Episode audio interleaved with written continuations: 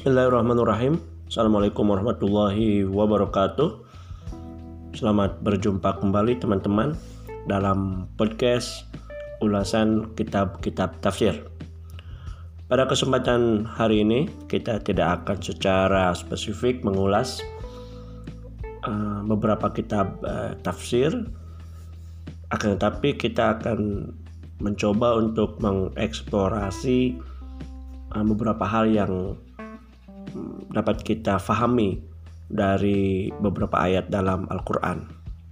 Baik tema podcast pada kesempatan hari ini adalah tentang bagaimana kita ketika hidup di dunia itu saling membutuhkan satu sama lain bahkan dikatakan oleh Aristoteles bahwasanya manusia itu adalah zon politikon makhluk sosial sehingga dia tidak bisa hidup mandiri, tidak bisa hidup sendiri, senantiasa membutuhkan orang lain untuk bisa bertahan hidup di dunia ini.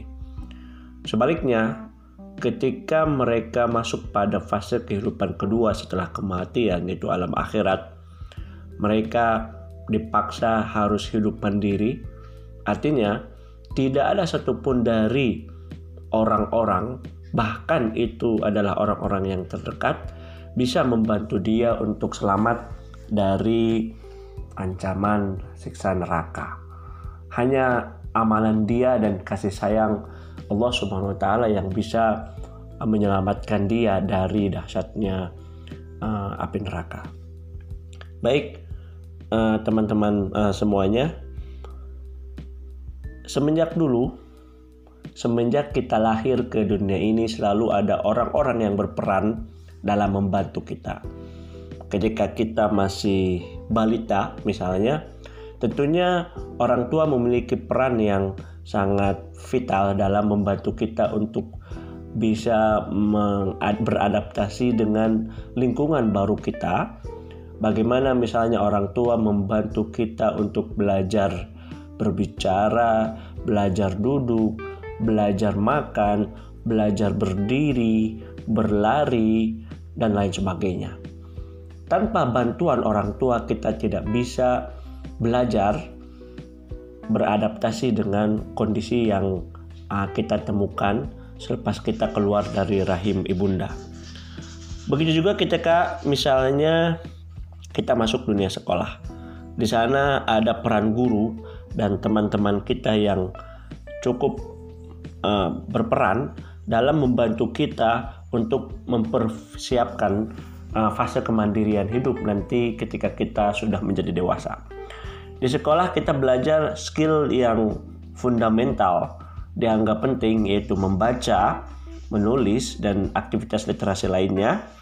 Juga hal-hal yang berkaitan dengan uh, keterampilan dan keilmuan yang mana mungkin itu akan menjadi uh, landasan bagi kita untuk bisa hidup, untuk bisa mendapatkan uh, uang sehingga bisa survive, bisa bertahan di uh, dunia. Uh, tapi sayangnya, apa yang dilakukan oleh orang tua kita ketika masih kecil dan apa yang diajarkan oleh para guru kita di sekolah tidak bisa membuat kita benar-benar hidup mandiri dalam artian tidak bergantung pada orang lain. Tetap saja, karena manusia merupakan zon politikon, makhluk yang harus bersosialisasi dengan yang lainnya, meskipun kita masuk pada fase kemandirian atau fase dewasa, kita tetap membutuhkan orang lain. Meskipun level independensinya itu lebih tinggi dari masa-masa ketika kita masih kecil dan anak-anak. Ah, di beberapa negara yang menganut faham liberalisme dan individualisme, taruh misalnya Jepang. Di Jepang itu ada beberapa orang yang mencoba untuk melakukan praktek hidup mandiri.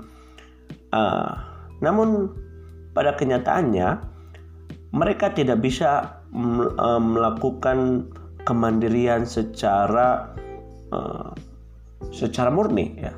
Nah, mereka mempraktekkan budaya hidup hikikomori uh, di mana mereka berusaha untuk mengisol mengisolasikan diri, tidak mau keluar, tidak mau bekerja, tidak mau bersekolah uh, dan sebagainya. Yang penting dia mengisolasi dari ruang publik, dari kehidupan sosial. Tapi pada, pada kenyataannya dia tetap membutuhkan peran orang lain. Meskipun misalnya dia tidak berinteraksi langsung dengan orang yang ada di sekitarnya, tapi tetap dia membutuhkan orang lain untuk bisa hidup. Bagaimana dia makan? Tentunya apa yang dia makan adalah peran dari rantai produksi yang begitu panjang. Maka bisa dipastikan bahwasanya praktek hidup hikikomori yang dipraktikkan Jepang itu pada nyatanya berhasil membuat dia mengisolasi dari kehidupan sosial akan tetapi tidak bisa menghilangkan independensinya dependensinya maaf ketergantungannya kepada orang lain. Sehingga uh, apa uh, dia tetap membutuhkan orang lain.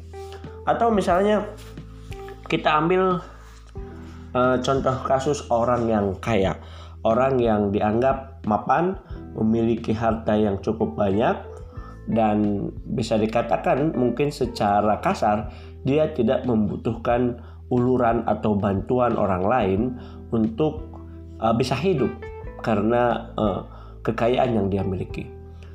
Namun hal itu ternyata tidak tidak tidak benar. Apabila kita telah lebih jauh, apa yang dia dapatkan, harta yang dia miliki itu merupakan akumulasi dari bantuan orang lain. Ya. Jadi bagaimana misalnya dia memiliki sebuah pabrik, memiliki sebuah perusahaan dan di sana bekerja ratusan ribuan orang untuk memberikan untuk uh, menambah pundi-pundi kekayaan yang dia miliki. Di sini bisa kita melihat bahwa orang kaya pun itu tidak bisa hidup secara hmm, 100% mandiri atau tidak membutuhkan orang lain. Bahkan yang sungguh ironis, orang terkaya di Indonesia misalnya, pemilik saham terbesar perusahaan jarum, perusahaan rokok, itu bergantung kehidupannya pada konsumsi rokok yang dilakukan oleh penarik beca misalnya. Bagaimana penerit beca yang untuk makan pun itu tidak pasti apakah dia bisa makan nanti, apakah dia bisa makan besok, itu sesuatu hal yang tidak pasti, tapi nyatanya dia menjadi salah satu pilar yang menopang, yang menambah pundi-pundi kekayaan dari salah satu orang terkaya di Indonesia. Maka sangatlah uh, tepat sangatlah uh, benar kalau misalnya uh, ini mengafirmasi dari apa yang dilakukan apa yang diasumsikan oleh Aristoteles bahwasanya manusia itu adalah makhluk sosial, manusia itu adalah zon politikon. Tapi sayangnya apa yang terbiasa kita uh, lakukan di dunia ini ternyata tidak sebanding atau bertolak belakang dengan apa yang akan kita temukan nanti di alam akhirat. Di alam akhirat kita tidak bisa bergantung pada orang lain. Kita tidak bisa atau tidak memiliki orang-orang yang biasanya membantu kita. Ketika kita masih kecil, kita memiliki orang tua yang berperan dalam membantu kita untuk bisa belajar berdiri, bisa belajar uh, makan dan sebagainya. Nah, tapi di akhirat kita tidak memiliki orang yang bisa membantu kita untuk uh, belajar mandiri dan sebagainya. Apa yang bisa membantu kita di alam akhirat adalah amalan yang telah kita tumpuk, yang telah kita lakukan ketika masih hidup di dunia. Suatu hari uh, ketika orang kafir menyadari bahwasanya apa yang disampaikan oleh Allah SWT tentang kehidupan akhirat itu benar adanya, mereka berusaha sedemikian rupa untuk bisa melepaskan diri dari uh, azab neraka. Maka mereka melakukan semua cara untuk bisa selamat. Entah itu mengorbankan orang-orang terdekat mereka, ibunya, bapaknya, anaknya. Bahkan kalau perlu seluruh umat manusia yang ada yang mereka ketahui selama hidup di dunia itu bisa melepaskan dia, bisa menyelamatkan dia dari siksaan neraka. Akan tapi sayangnya itu adalah hal yang sia-sia. Allah SWT jelas-jelas menolong, uh, menolaknya. Sekali-kali tidak. Sesungguhnya neraka itu adalah api yang bergejolak. Bahkan di sana dikatakan dalam surat Al-Abasa ayat 34 dan 37, pada hari ketika manusia lari dari saudaranya, dari ibu dan bapaknya, dari istri dan anak-anaknya. Setiap orang dari mereka pada hari itu mempunyai urusan yang cukup menyibukkannya. Artinya, setiap orang memikirkan dirinya sendiri, tidak bisa membantu orang lain.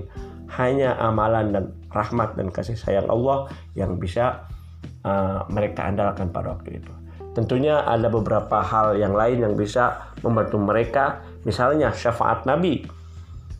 Syafaat Nabi Muhammad Wasallam insya Allah akan mengeluarkan kita, akan menyelamatkan kita dari ancaman azab neraka di hari akhirat. Semoga Allah Subhanahu Wa Taala memberikan kita jalan yang lurus, memudahkan kita untuk berbuat kebajikan sehingga kita bisa selamat dalam uh, cengkraman api neraka di akhirat kelak. Terima kasih. Sampai jumpa di podcast saya selanjutnya. Wabillahi taufiq hidayah. Assalamualaikum warahmatullahi wabarakatuh.